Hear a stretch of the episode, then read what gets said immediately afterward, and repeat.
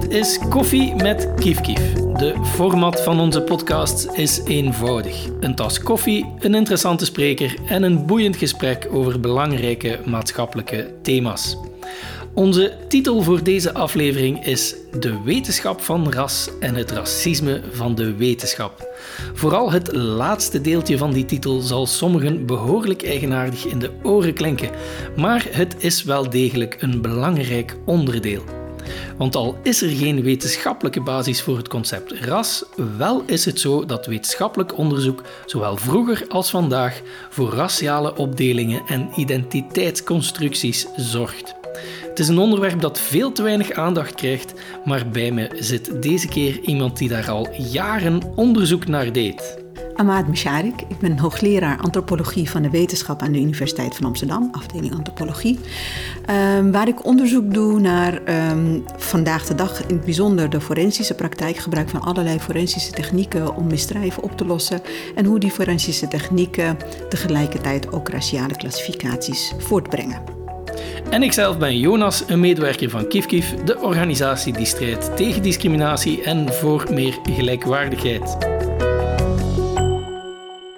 Amade, laten we ons gesprek misschien beginnen met dat ene feit dat ondertussen in mijn ogen al behoorlijk wat werd rondgebazuind, maar waarvan ik het gevoel heb dat het toch nog steeds niet voldoende geweten is. Er is geen wetenschappelijke biologische basis voor het concept ras, of anders gezegd, onder mensen bestaan er eigenlijk geen rassen leg nog een keer aan de luisteraars van de podcast uit waarom dat nu zo is. Um, omdat ondanks alle inspanningen die er zijn geweest, en dan heb ik het over meer dan 100 jaar wetenschappelijk onderzoek, 18e, 19e, begin 20e eeuw, uh, op zoek naar uh, een manier om uh, hele harde lijnen te trekken tussen bevolkingsgroepen. Al die inspanningen die hebben tot niks geleid. En het blijkt dat de verschillen of kenmerken die we hebben, dat die op het genetisch, biologisch niveau, uh, dat die gelijk verspreid zijn over de wereld. De, frequentie waarin ze voor kunnen komen kan verschillen, maar alle kenmerken zijn overal te vinden. De conclusie was uiteindelijk van het idee dat er zoiets bestaat als raciale types, die we op basis van grootte van de uh, hersenen of van lichaamslengte of van huidskleur zouden kunnen klassificeren, heeft tot niets, niets geleid. Oké, maar veel mensen horen dat dat klinkt feitelijk in de oren. En ze zeggen, ja, dat kan wel zijn, maar een Noor is toch blond met blauwe ogen? Niet altijd, maar enfin, ziet er toch helemaal anders uit dan een zwarte Afrikaan van Zuid-Afrika. Hoe verklaar je dat dan als er geen Zeker, wetenschappelijke dus, basis is? Ja, daarmee is niet gezegd dat er geen verschillen zijn. Er zijn verschillen, bijvoorbeeld verschillen in lichaamslengte of in huidskleur. Maar als je dus die verschillen probeert te mappen eh, eh, de, gelijk te stellen aan genetische, andere genetische variabelen, ja, dan gaat de boel verschuiven. Dus je kunt op basis van huidskleur kun je heel prachtig een, uh, een clustering maken tussen misschien Noren en uh, Sub-Sahara-Afrikanen of tussen uh, Nederlanders en Aziaten. Dat zou je ook op basis van huidskleur doen. Dat zou je misschien ook op basis van ziekteprevalenties genen kunnen doen. Dat zou je op basis van mogelijkheden om bepaalde smaken te kunnen proeven. Er zijn allerlei variabelen. Maar als je al die variabelen bij elkaar doet, dan wordt het een hutspot. Dan vallen al die categoriseringen in het niets.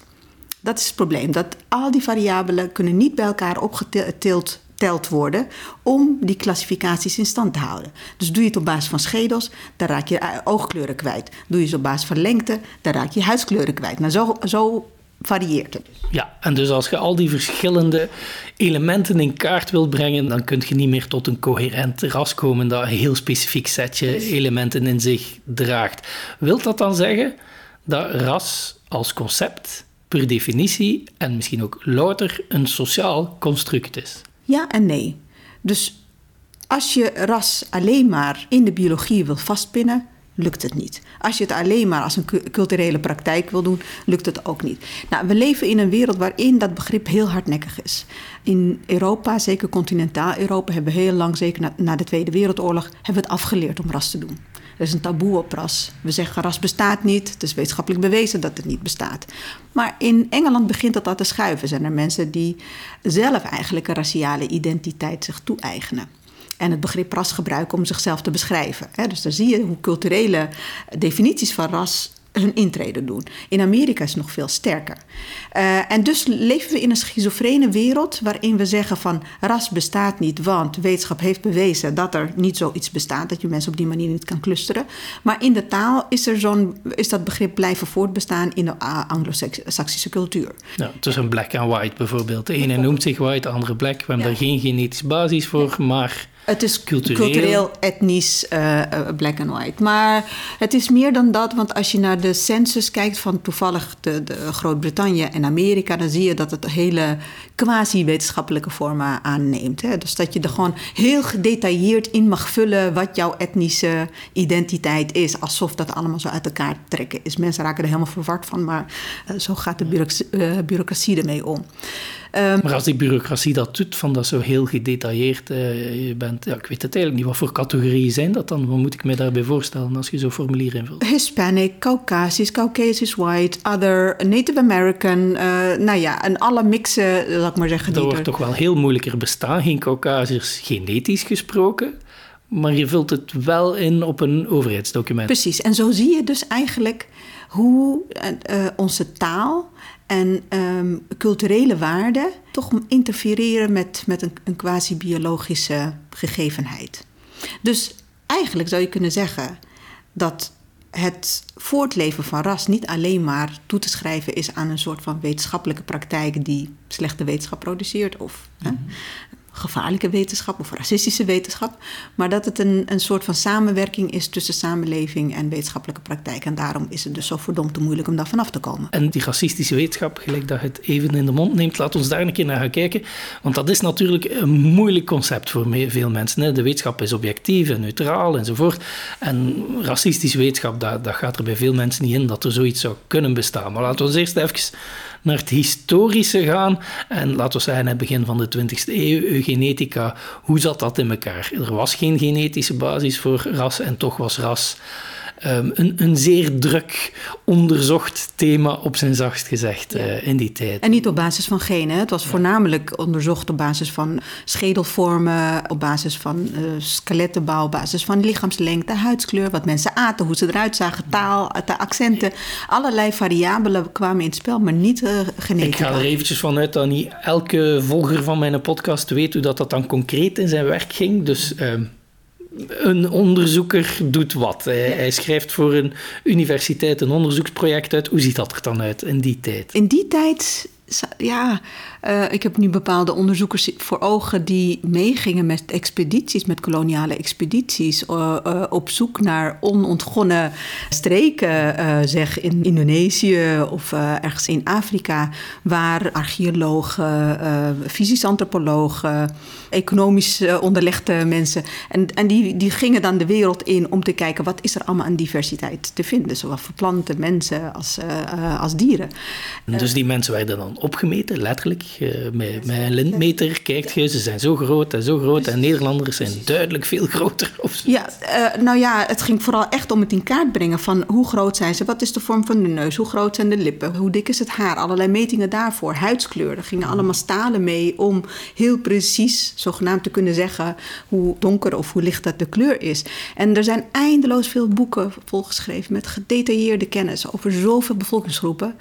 Uh, en niet alleen in de verre, eigenlijk ook hier in, uh, in Europa. Miljoenen en miljoenen mensen zijn gemeten op allerlei internationale fairs die georganiseerd Daar weet je, er komen heel veel mensen bij elkaar. Nou, dit is je kans als wetenschapper om dan zoveel mogelijk mensen te pakken te krijgen en onderwerp van jouw onderzoek te maken. Dus in, we hebben heel veel kennis verzameld. En zoals ik aan het begin zei, was die kennis heel erg erop gericht. Er was een idee fix dat mensen in te delen waren in discrete groepen. En dat er raciale types waren. Maar um, zoals ik zei, omdat er niet alleen maar schedelmetingen werden gedaan, of niet alleen maar huidskleur, maar alles tegelijkertijd, ja, kreeg je dat die begrippen en dat die categorieën gewoon een blurb werden van. Uh... En toch bleef men vasthouden aan het concept ras als een. Ja. Een, een, een valabele categorie om te categoriseren. Nu, veel mensen denken echt van ja, dat is iets van eh, de jaren dertig van de Duitsers of zoiets. Want dit was echt wereldwijd verspreid. Hè. In Amerika, overal in Europa was men daarmee bezig. Maar de, opkomst van de genetica, zeg maar in de eind 19e, begin 20e eeuw, is uh, Amerikaans, Europees, uh, Zuid-Afrika, Latijns-Amerika. En waarom? Was het gewoon racisme dat al dreef? Of wat is volgens u de waarom van zo'n obsessie bijna met concept ras en het per se willen in kaart brengen daarvan? Ik denk dat er verschillende antwoorden op zijn. Kijk, die obsessie met het passen en meten van mensen en uh, interesse in de biologie. er waren allerlei intellectuele groepen waar uh, filosofen, economen, biologen bij elkaar kwamen.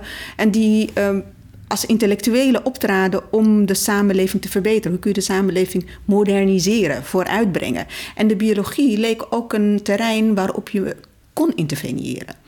Uh, waarop je kon bepalen welke mensen zich wel of niet konden reproduceren. Waarop je kon bepalen, nou, sommige mensen moeten maar uh, betere opleidingen krijgen of juist niet. Er waren allerlei verschillende, en dat was op basis van intelligentietesten en al die dingen meer.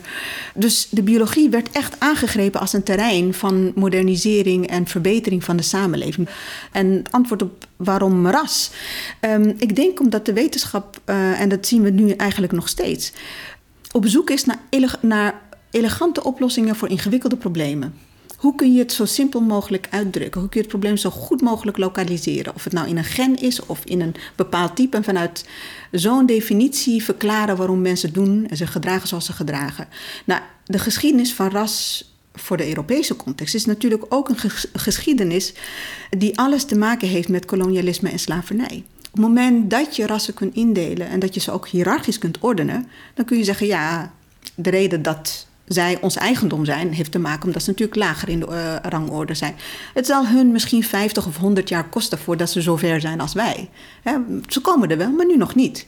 Dus het is natuurlijk ook een manier om, uh, ja, om de wereld uh, te beheersen en te beheren. En de meest gruwelijke uiting daarvan kennen we natuurlijk. Dat is uiteindelijk de holocaust geworden, waarin dat sommigen niet gewoon een beetje lager staan, maar uitroeibaar zijn, ja. zoals dieren. Ja. En dus um, opnieuw iets dat, wat ik vind dat ontkend wordt, dat de holocaust een behoorlijk wetenschappelijke aangelegenheid is, in zekere zin. Het voelt vloeit voort uit toenmalig aanvaarde academische wetenschappelijke ideeën. Maar dan zullen mensen zeggen, ja, dat was toen misschien, eh, nu zien we dat als pseudowetenschap, maar eh, vandaag de dag zijn we, en daar zijn we nou weer, verder geëvolueerd. We doen dat niet meer. En eigenlijk is dat een groot stuk van uw onderzoek. We doen dat wel nog. Leg een keer uit hoe dat we dat vandaag nog altijd doen. Dat soort constructies die eigenlijk niet de werkelijkheid benaderen en die onze wetenschap insluipen hoe we het vandaag de dag doen in, zeg maar in de mainstream. Ik heb het niet over excessen, maar in de mainstream van de wetenschap. Is toch op, wederom wat ik net zei, op zoek te zijn naar bepaalde verschillen die we kunnen gebruiken om te klassificeren. Uh, bijvoorbeeld als. Um, ook al weet ik dat niet iedereen van een bepaalde groep te vangen is met een bepaald soort genetisch profiel. Zo'n genetisch profiel kan me wel helpen om de meerderheid van die groepen te vangen zeg voor een opsporingspraktijk, voor het oplossen van een, uh, een misdrijf. Ik kan zeggen op basis van DNA van nou, we weten niet de identiteit van een verdachte, maar op basis van het DNA zou het zo kunnen zijn dat deze verdachte hoogwaarschijnlijk een Noordwest-Europese um, achtergrond heeft. Nou, heel vaak zie je dan dat zo'n uh, zo'n uitspraak vertaald wordt. Nou, ja, deze man is waarschijnlijk een, een, witte man, waarschijnlijk uh, een Belg of een Nederlander, hè, want het is hier in deze omgeving gebeurt het misdrijf. En dat is heel problematisch, want we weten ook dat veel uh, nakomelingen, um, nou hoe zal ik het zeggen, veel zwarte mannen rondlopen met een Noordwest-Europees profiel. Eichromosomaal in het bijzonder. Dus genen die, ze, die alleen via de mannelijke lijn worden doorgegeven. Uh, en waarom? Omdat veel slavenhouders kinderen hebben gemaakt met hun slavinnen. Dus ze hebben kinderen gemaakt die weliswaar een zwarte huidskleur hebben, maar die een deel van hun genetisch profiel is Noordwest-Europees. Dus daar zie je dat er een, zeg maar, een vooronderstelling wordt gemaakt. Ah, een Noordwest-Europees genetisch profiel, dus een witte man. En in praktijk zou misschien kunnen zijn dat het een zwarte man is, maar dan met zo'n profiel. Omgekeerd ook natuurlijk. En Als je Arabische genen krijgt, is plotseling per definitie iemand met een baard en een bruine huidskleur. Ja. Ja. en, maar wordt dat ook echt gebruikt bij... Ik veronderstel dan moordzaken, verkrachtingszaken enzovoort. Zo, is dat een standaard techniek om, om zo de genen in kaart te brengen? En dan... Genen in kaart brengen is een standaard techniek sinds um, eind jaren 80 in de forensische praktijk. Dat we DNA gebruiken om misdrijven op te lossen. In eerste instantie hebben we dat gedaan door uh, biologische sporen die je op een uh, plaats delict vindt te vergelijken met het profiel, DNA-profiel van een verdachte. Vandaag de dag uh, zijn we zover met de technologie dat je ook kunt zeggen van nou, misschien kan ik op basis van de biologische sporen een uitspraak doen over het uiterlijk van de onbekende verdachte. Dus we weten niet wie het gedaan heeft, maar misschien kunnen we iets zeggen over huidskleur, haarkleur, uh, oogkleur, uh, geografische afstamming, wat dus een eufemistische uitdrukking voor raciale achtergrond is. En dat gebeurt in Nederland routinematig, dat gebeurt in de Verenigde Staten, in Engeland. Uh, in Duitsland wordt momenteel hard gedebatteerd om dat wettelijk te verankeren. In België zijn een een beetje hesitant, om het uh, zo uit te drukken. Misschien maar het is dus... reden. In sommige filmpjes die ik van u op internet heb gezien, verwijst je soms naar, uh, en ook in artikelen die je geschreven hebt, naar een heel specifieke case, die het misschien nog wat concreter kan maken. Um, maar ik ben de naam even kwijt. Maar het was een, een case uit Nederland die wij in België ja, niet kennen, waar dat eerst de verdachte aan een vluchtelingencentrum werd gelinkt en, enzovoort. Enzovoort. Leg je misschien een keer uit om het nog verder te concretiseren hoe dat zoiets in zijn werk. Ja, dat was dus een, de Marianne Vaatstra-zaak. Dat is een uh, jong meisje dat na Koninginnedagviering uh, in 1999 uh, um, verkracht en vermoord gevonden werd in het noorden van het land, vlakbij een asielzoekerscentrum. En dat was ook zo'n zaak waarbij geen idee was wie de verdachte was. En daar zijn dus deze technieken voor het eerst uitgeprobeerd. Dus toen was het nog wettelijk onmogelijk, niet mogelijk om dat te doen. En een soort van ja, geval van burgerlijke ongehoorzaamheid heeft het hoofd van een forensisch lab uh, dat uitgetest en ook laten zien, omdat de situatie daar zo um, precair werd en er zoveel geweld was tegen de, asiel, de bewoners van het asielzoekerscentrum. Um, naar aanleiding van. Naar aanleiding van die moord, want iedereen van het is een van hen. Um, een van de problemen was, of probleem, een van de feiten over het misdrijf was dat uh, het keel van het slachtoffer was doorgesneden. Nou, dat is dan onmiddellijk een, een niet-Nederlandse manier van uh, iemand vermoorden. Uh, ja, daar, daar, is een bepaald volk dat, uh, dat van jongs af aan leert om uh, warmbloedige dieren te slachten. Ja. nou goed, dat was dus de uitspraak van Pim Fortuyn. Dat is niet een Nederlandse manier van iemand vermoorden. Dat was een letterlijke uitspraak van Letterlijke uitspraak in een van zijn columns in... Ja dat was Elsevier geloof ik dat hij mm. daarvoor schreef. Dus dat geweld werd eigenlijk erger en erger. Ik werkte toen in het forensisch lab, uh, waar dat hoofd um, het besluit had, uh, had genomen. En hij heeft het gedaan om de situatie ja, te kalmeren eigenlijk. En dat heeft even zo gewerkt, maar de mensen bleven geloven in het feit dat het een van jullie moest zijn. En dat heeft even gewerkt omdat genetisch materiaal uitwees dat iemand dat Noordwest-Europees. Ja. Uh, waarschijnlijk Noordwest-Europees, ja. zoals dat je daarnet uitlegt, meteen linken mensen daar dan weer een blank iemand aan. Ja, precies. En dat was voor de politie eigenlijk wel interessante kennis, zou ik maar zeggen. Ook al hebben ze daar een fout in gemaakt, heb ik ze ook wel verteld. Dan hebben anderen ook eh, wel aan hem verteld. Maar in ieder geval, dat was een, een belangrijk uh, lead in dat onderzoek. Maar voor de mensen en tot vandaag de dag, want uh, we hebben drie verschillende wetgevingen geïmplementeerd naar aanleiding van deze zaak. We hebben nu vandaag de dag doen we, passen we een technologie toe, dat heet um, verwantschapsonderzoek, familiar searching. Dat je zeg maar op basis van genetische profielen van mensen mensen in, in je database of in de bevolking um, op zoek gaat naar een, van de verwant, een van een van die mensen. Dus je zegt van nou, geen van jullie is waarschijnlijk de, eh, de verdachte, maar het kan zijn dat jullie genen ons helpen om die te vinden. En uh, dat is toegepast. Er zijn uh, een kleine 8000 mannen gevraagd om mee te werken en de hele lokale bevolking heeft dat heel enthousiast gedaan. En een van de mensen die mee heeft gewerkt bleek ook de verdachte te zijn, uiteindelijk de dader. Hij is daarvoor veroordeeld. En dat was een lokale boer, een familieman. En, en tot op de dag van vandaag geloven mensen het niet. Straf.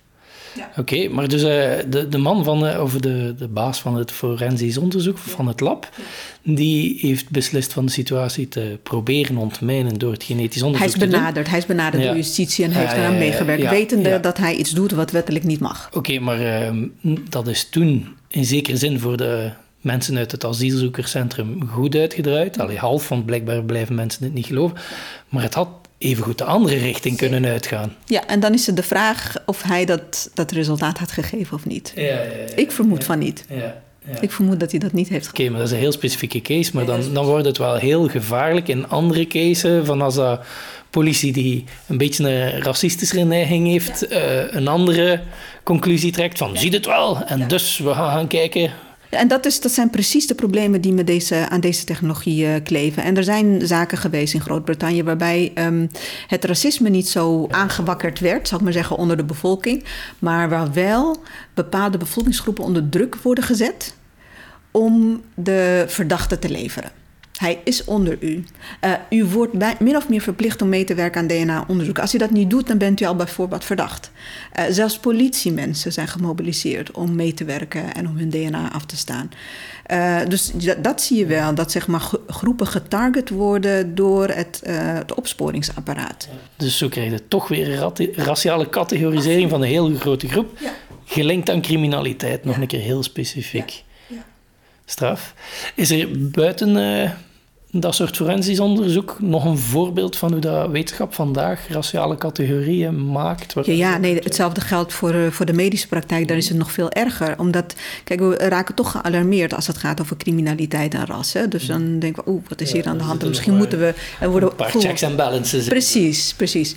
En uh, gevoel van ongemak. En, maar in het medische, ja alles is goed om iemand te helpen. Alles is goed om iemand uh, beter te maken. Um, om medicijnen te ontwikkelen. En daar zie je precies dezelfde categorisering, precies dezelfde problematieke uh, targeting van bepaalde groepen om mee te werken aan onderzoek. Gebeurt op dezelfde manier in de medische praktijk en op veel groter schaal met heel veel meer geld.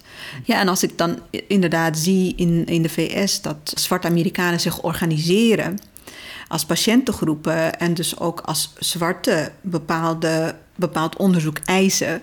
En dat, dat heeft natuurlijk een soort van looping effect, zoals uh, Ian Hacking dat noemt. Dat je eigenlijk je eigen biologische identiteit creëert. Uh, doordat je vanuit een maatschappelijk probleem, namelijk achtergesteldheid en, en minder interesse in je, in je, in je welzijn, een, een, claim gaat maken en dus samen gaat werken met, met de industrie. We hebben specifieke problemen als black community en dus moet je ons nu ook als blacks Precies. medisch in kaart Precies. gaan brengen. En het is zover dat in, in de VS dat het NIH heeft nu uh, al, dus die census-categorieën geïmplementeerd als onderdeel van haar onderzoek. En er is al onderzoek geweest die laat zien van zeg maar, het heeft een omgekeerd effect. Want het is ingevoerd om uh, mensen die uh, neglected zijn in het mhm. onderzoek en ook in de welzijn en in de, in de zorg, om die een betere positie te, te geven. En dat het nu eigenlijk andersom werkt. Hoe kijk je in al die paradoxen naar het concept etnie? Ik ga eerlijk zijn, ik heb daar zelf een beetje een probleem mee. Omdat etnisch-cultureel is zoiets dat in alle sociologie en, en alle vormen van academisch en, en half academisch werk er heel vlot doorgaat. Maar als ik daarover nadenk als ras genetisch niet bestaat en in hoofdzaak een sociale afspraak is of een culturele, uh, linguistisch uh, gegeven, is dat met etnisch-cultureel niet exact hetzelfde. Wat zou een etnie zijn op genetisch niveau? Exact niets. Maar voor mij lijkt dat dus een soort omzeilen van het woord ras om exact hetzelfde te zeggen. Ja, ik vrees dat ik het, uh, dat ik het erg met je, met je eens ben uh, daarover. En we hebben ook voorbeelden waarbij uh, het begrip cultuur gemobiliseerd werd. Bijvoorbeeld in de jaren tachtig Groot-Brittannië. Dat is, daarmee werd gewoon een raciale verschil gedaan. Radicaal en met heel veel geweld, zou ik maar zeggen, in de samenleving. En etniciteit, het is... Um, als ik alleen maar kijk in, in Nederland, ik, ik weet niet of het begrip allochtoon in België zo courant is, maar in Nederland, je komt er gewoon niet vanaf. Het, het blijft gewoon een soort van biologische verwantschap met ooit een verleden van, van niet hier, niet van deze bodem. Uh, en, en dat blijf je gewoon uh, bij je dragen. Dus in die zin is etniciteit ook een manier om identiteiten te fixeren. Maar hoe doorbreken we dat? Want het is wel problematisch. Bij Kiefkief zitten we daar ook mee hoor. We proberen het woord allochtoon uiteraard te mijden omwille van de, de connotaties, de sociale connotaties ermee. Maar dan hadden we onlangs een onderzoekje gedaan naar de diversiteit onder de Vlaamse elite. We hadden een doorsnede genomen van mensen in machtsposities in de samenleving, een vijfhonderdtal. En dan hadden we in kaart gebracht hoeveel daarvan zijn man of vrouw en hoeveel daarvan hebben een familiale migratieachtergrond. En dus strugglend met het woord allochtoon zijn we gekomen tot um, diegenen die een niet-westerse uh, familiale migratieachtergrond hebben tot in de derde generatie of tot in de vierde generatie. Nu, dat wordt een hele mond vol. Maar is dat dan de enige oplossing van, van zo'n hele mond vol te nemen om echt duidelijk te zijn hoe dat gecategoriseerd? Of, of zijn er andere oplossingen? Want in dit geval gaat het niet over het racialiseren dat je wilt doen, maar wel willen aanduiden dat er een onderbewust racistisch proces speelt in het niet toelaten van bepaalde bevolkingsgroepen tot de machtselite. En dat wilt je wel kunnen aanduiden. Ja, maar dat is een heel, heel specifiek probleem. En de vraag is dan, is, is begrip etniciteit of cultuur of um, achtergrond um, uh, een nuttig begrip om dat probleem te duiden? Kijk, uh, ik, ik denk dat we op moeten passen voor universalistische oplossingen. Voor hoe we naar, ons, naar, naar elkaar willen verwijzen. En een aantal van die categorieën hebben de neiging om heel homogeniserend en essentialiserend te werken. Misschien ook in een bepaalde tijdspanne. Misschien geldt dat nu eigenlijk sterker dan in, uh, in andere eras. Wat dat betreft ben ik niet zo um, racistisch jegens categorieën. Ik denk van ja, we moeten vooral onze categorieën multipliceren, zoveel mogelijk eigenlijk gebruiken en kijken welke past bij welke type problematiek die we gebruiken. Want zelfs het gebruik van een buurt kan racistisch zijn.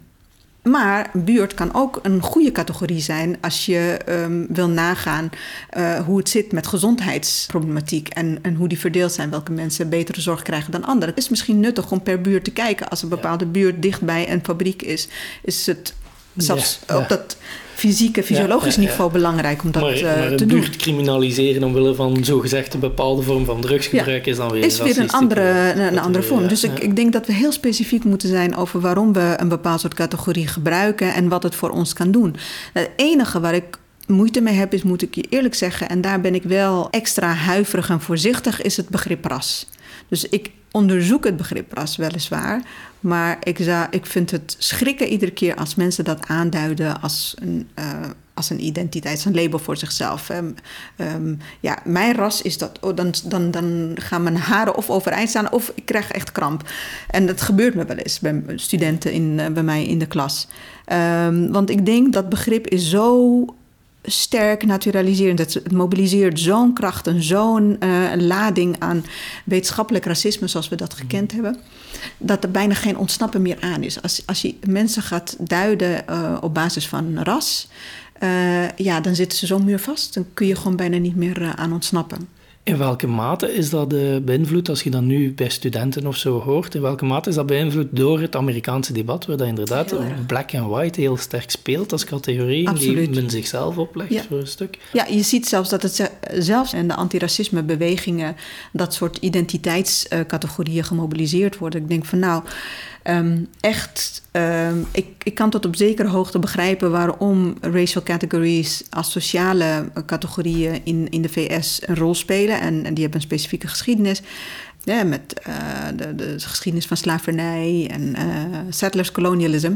Dat is heel anders dan wat we in Europa hebben gehad. Met koloniale verleden, uh, slavernij, maar ook de Tweede Wereldoorlog en de Holocaust. Ook de migratie naar de Tweede Wereldoorlog. En de categorie moslim is hier in Europa veel fundamenteel. Ja, inmiddels in de VS ook. Maar is, is een, een belangrijke categorie geworden. Of taalverschillen. terwijl in de VS kun je spreken wat je wil. who cares? hier in in Nederland in het bijzonder is taal en accent is echt een, een insluiting of een uh, uh, uitsluitingsmarker. Interessant. om even over te gaan naar wetenschap in het algemeen. Wat hebben we nu van dit alles geleerd over wetenschap in het algemeen? Omdat jij zelf, als ik het goed begrepen heb, antropologie is niet uw opleiding, maar uiteindelijk staat je met je onderzoek dat je nu doet wel in de lijn van mensen gelijk Latour, die een soort van antropologie van de wetenschap op zich doen. Hè.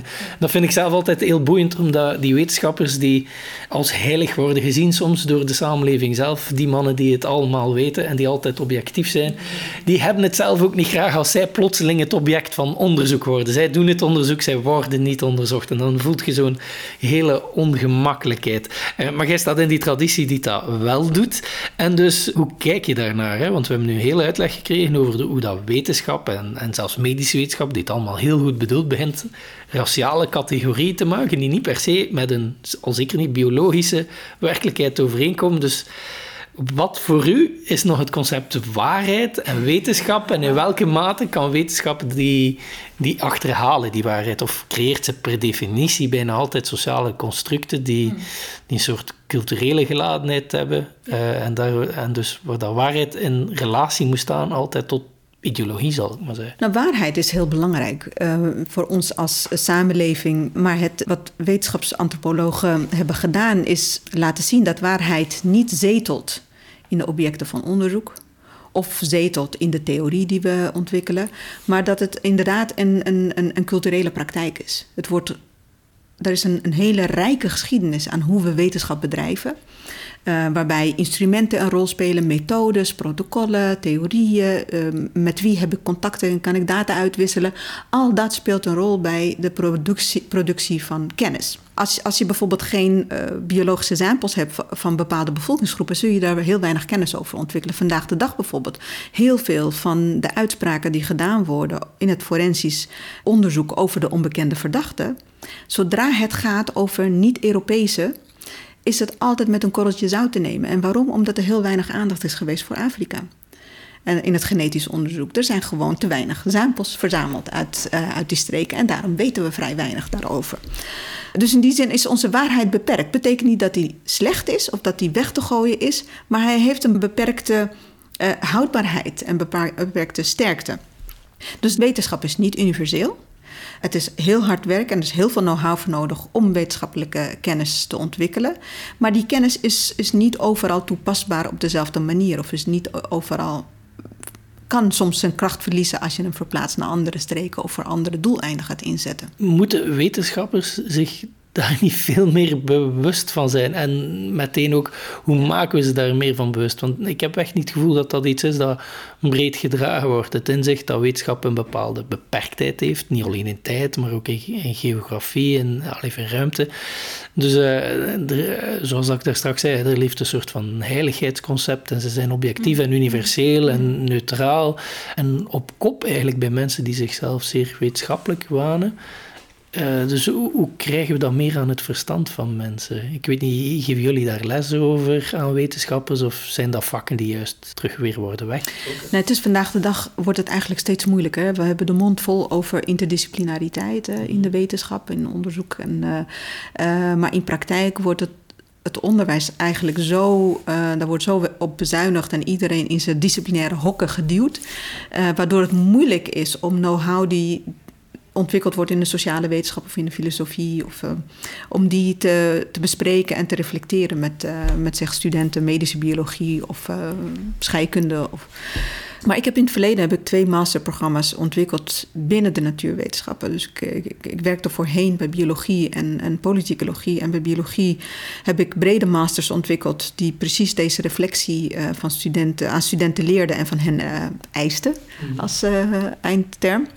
Uh, en dat waren studenten uh, uh, chemie, biologie, natuurkunde, wiskunde. Iedereen kwam daar binnen. En een van de masters was echt over wat doet wetenschap met de samenleving? Wat doet de samenleving met de wetenschap? Hoe produceren we eigenlijk wetenschap? En hoe, hoe kun je daar grip op krijgen? En een, de tweede master die ik ontwikkelde was een Forensic Science Master. Waarbij ik merkte dat veel van mijn studenten ook een beetje van... ja, we leren hier allerlei spannende dingen... maar wat moeten we ermee in de samenleving? Je kunt alleen maar in een lab gaan staan. En uh, juist dat forensisch is eigenlijk een maatschappelijke toepassing van die kennis. Maar hoe doe je dat op een goede manier? Hoe doe je dat op een manier dat je respect hebt voor wetgeving, dat je respect hebt voor sociale verhoudingen, dat je respect hebt voor culturele praktijken? En wat waren uw ervaringen met de studenten? Want dat lijkt mij zeer boeiend, maar het lijkt mij ook zeer moeilijk voor veel studenten om die ja. klik te maken. Zeker als ze pakweg uit de biologie komen. Ja. Ik kan me inbeelden ja. dat een politicoloog er al iets anders naar kijkt, maar dat, was een, altijd een interessant patroon in te zien. Van, daar kwamen ze binnen, super enthousiast. En dan keken ze me al een beetje kritisch en soms glazig aan.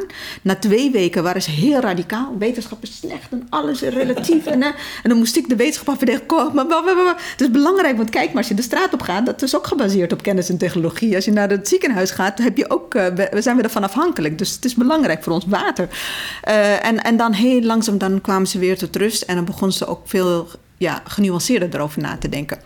Nou, uh, uiteindelijk natuurlijk in de functies waarin ze terechtkomen, is het de vraag in hoeverre ze dat vol kunnen houden. Want uh, soms moeten ze natuurlijk ook gewoon disciplinair uh, ja. weer gedwongen worden. die ervaring, wat kan ons die leren voor de dag van vandaag, waarin dat veel mensen spreken van het post-truth tijdperk? Ik weet niet of dat zo anders is, maar. Trump is en blijft wel een fenomeen. hij blijft een fenomeen in de zin dat hij en in zijn gevolg heel veel politici, ook in Nederland en België sommigen, gewoon een loopje nemen met de waarheid. En die gaan beweren van de waarheid bestaat niet, I've got my alternative facts, of hoe dat je ze ook wilt noemen. En iedereen creëert zijn eigen waarheid. Op zo'n moment zouden denken, dit is het moment voor wetenschap om mee hang te schieten en met feiten af te komen. Maar dan moet er maar iemand zijn die zegt: ja, maar wetenschap is ook ideologisch geladen en wetenschap vertelt maar ook zijn verhaal. En dat is ook wat je ziet bij mensen like Trump en anderen aan de rechterkant, die uh, wetenschap en de academische wereld in vraag gaan stellen en gaan doen alsof dat er maar een linkshoopje samen is en dus ook niet te vertrouwen. Hoe moeten we daar mee omgaan volgens u? Dit, dit, is natuurlijk een heel ingewikkeld probleem en ook een heel urgent probleem, uh, zou ik willen zeggen. Uh, verschillende dingen. Ik denk één ding, let's keep our eyes on the ball. en, uh, en, en dat gaat over het beschermen van onze instituties. Uh, zowel democratische instituties, uh, wetenschappelijke instituties, uh, andere overheidsinstituties die over zorg gaan of over infrastructuur.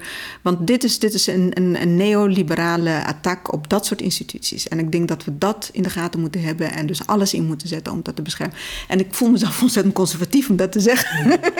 maar eigenlijk wil ik nu gewoon echt ja, op de bres uh, voor mijn universiteit, op de bres uh, voor, voor onze westerse democratie, ook al is die op heel veel plekken lousy. Uh, het dat moet wel een eigenaardig, ik ga even inpikken, omdat dat voor u eigenaardig moet zijn. Hè. Je bent een van die wetenschappers, gelijk Latour en zo, die altijd de fluiditeit van wetenschap heeft willen aantonen. En nu moet je in één keer de soliditeit van ja. wetenschap verdedigen. Ja. ja, zeker. Dat hebben we ook niet goed genoeg gedaan. Ik heb er een klein stukje over geschreven naar aanleiding van van, uh, van Trump, dat wij in uh, de wetenschap geneigd zijn om te focussen op verschillen. Uh, om de nuances op te zoeken en de verschillen te, uh, te, onderstrepen.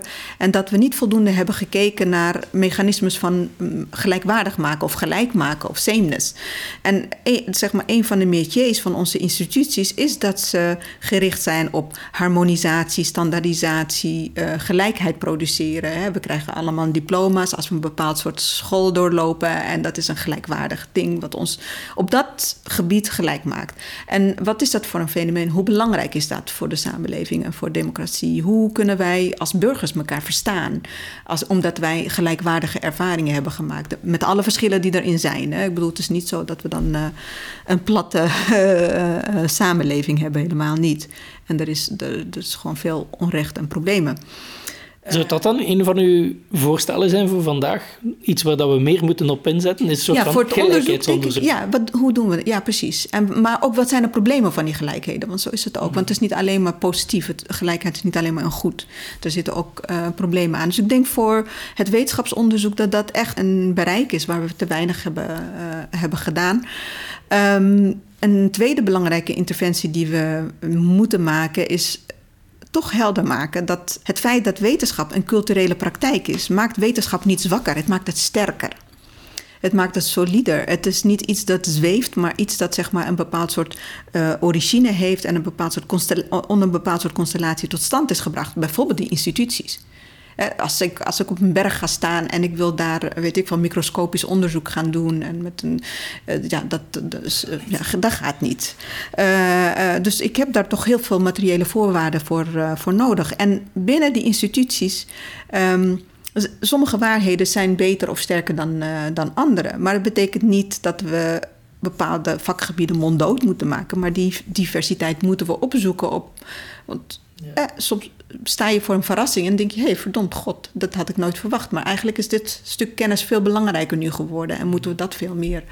Bij mij roept dat iets geweldig op van: hebben we eigenlijk niet gewoon wat meer eerlijkheid nodig? En dus ook een soort van nederigheid van wetenschap om te durven naar beneden komen en toe te geven dat ze ook heel vaak fouten maken. Maar hoe meer dat ze dat zouden toegeven, hoe meer dat ze ook vertrouwbaar zijn. Van, ik weet dat ik fouten maak, maar juist omdat ik fouten maak, laat ons samen zoeken naar zoveel mogelijk waarheid. En dus als ik een fout maak in het vervolg, dan kunnen mij tegenspreken enzovoort. En dus een beetje dat, die halo van, van wetenschap doorbreken om juist de menselijkheid ervan te tonen en in die menselijkheid verder te kunnen geraken. Ja, maar ik, ik ben het natuurlijk met je eens. En dat, is, dat zou de kern moeten zijn van de wetenschap. Maar goed, wetenschap is natuurlijk ook een politiek veld. Je ziet dat um, met wetenschap wordt ook nationale identiteitspolitiek gedaan. Sommige wetenschappers worden gewoon daar neergezet en dat zijn de goden van een bepaald land. Dus dat is complex en tegelijkertijd vraag ik me af voor zeg, een, een linkse interventie, laat ik het zo, gewoon zo noemen, of dat een goede strategie is op dit moment. Ik denk dat we in de bres moeten gaan voor waarheid, waarheid en waarheden niet als ehm, absolute universele waarheden, maar wel er zijn betere en slechtere waarheden. En waarheden die in instituties verankerd zijn of waar een bepaald soort commitment aan uh, vast. Ik zat te denken, er, zijn, er, is natuurlijk heel veel kennis dat onder leken ontwikkeld wordt. Uh, over hun ziekte of milieu of over buurt, uh, sociale verhoudingen. Um, uh, dus het is belangrijk dat we dat eigenlijk integreren in ons wetenschappelijk onderzoek. Maar misschien is dat een andere dynamiek dan wanneer we spreken over echt wetenschappelijke bevindingen. Dus er is kennis, er zijn verschillende soorten kennis die op elkaar aan elkaar gerelateerd zouden moeten worden. Maar wanneer het gaat over wat we pretenderen wetenschappelijke kennis te zijn, moeten we constateren dat er betere en slechtere waarheden zijn. En hoe vlooit dat uit, wat dat een betere en een slechtere is? Of zegt hij dan gewoon de wetenschappelijke methode? Nee, nee, niet de wetenschappelijke methode. Er, er zijn veel meer criteria. Um, uh, waar is het geproduceerd? Op welke manier? Um, ethische voorwaarden waarop dat gebeurt. Is daar inderdaad tegenspraak geweest onder, onder peers? Um, uh, reviewpraktijken. Dus er zijn eigenlijk heel veel verschillende manieren uh, die checks en balances inbrengen. Op, hoewel checks en balances, het klinkt zo juridisch. Dat is niet de bedoeling, want, want de dynamiek van wetenschap is een andere dan een juridische. Um, uh, heel veel manieren waarop uh, de kwaliteit van wat we doen gewaarborgd wordt. Ik wil niet zeggen dat het absoluut feilloos is. En niemand is uh, op zoek naar absolute, hoe zou ik het zeggen, Ehm, Ontegensprekelijke ja, precies, precies. Want je, pro je, produceert kennis en, en je bent benieuwd naar hoe, wat mensen ermee kunnen doen, hoe ver het reikt, wat mensen eh, het, uh, daartegen in kunnen brengen. Dus het is in die zin uh, niet zeg maar, het laatste woord en, en voor de eeuwigheid bedoeld. Amade, heel erg bedankt voor dit boeiende gesprek.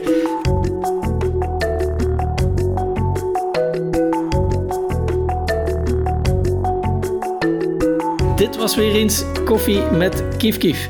Hopelijk was het boeiend genoeg om je aandacht tot hier vast te houden. Als dat inderdaad het geval is, dan kan je ons een groot plezier doen door ons wat sterretjes te geven in het programma waarmee je podcasts beluistert. Zo zal koffie met Kief Kief wat gemakkelijker gevonden worden door mensen die op zoek zijn naar interessante podcasts.